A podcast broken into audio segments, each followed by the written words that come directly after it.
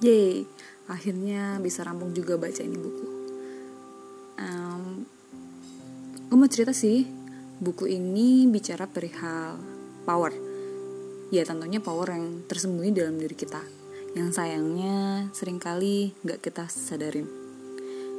Uh, kita sering mencari keluar kemudian membandingkan bahkan sering kali meminjam kebahagiaan orang lain.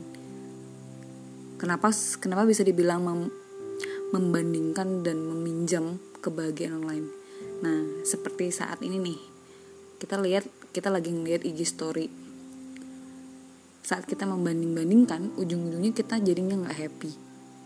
Ya, andekan aku bisa jalan-jalan ke luar negeri, andekan uh, fotoku bisa sebagus dia, kok foto nggak bisa ya? Nah, semacam begitulah, sering membanding-bandingkan yang ujung-ujungnya membuat kita sendiri nggak happy selain suka mencari hal-hal yang di luar diri kita, kita juga sering direpotkan sama persepsi terhadap sesuatu peristiwa.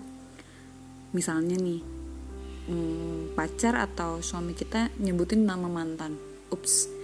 Kemudian kita berpikir, ah jangan-jangan nih dia ada main nih. Padahal faktanya dia memang salah menyebutkan nama. Tapi perihal selingkuh belum tentu kan atau pada saat kita sedang kehilangan barang sesuatu yang berharga pasti tuh seketika kita langsung mengumpat ya hidup aku sial banget nih. Padahal kita nggak setiap hari kehilangan. Kita jadinya suka mikir yang terlalu kejauhan akhirnya bikin kita stres sendiri. Nah, cara pandang kita yang keliru atas kejadian dalam hidup ini menyebabkan kita semakin stres, gelisah, marah-marah gak jelas, bahkan sampai depresi. Ya, buku ini ngomongin bahwa segala emosi yang mengganggu kita ini sebenarnya berasal dari cara kita men, cara penilaian kita yang salah. Oke, sampai di sini paham kan?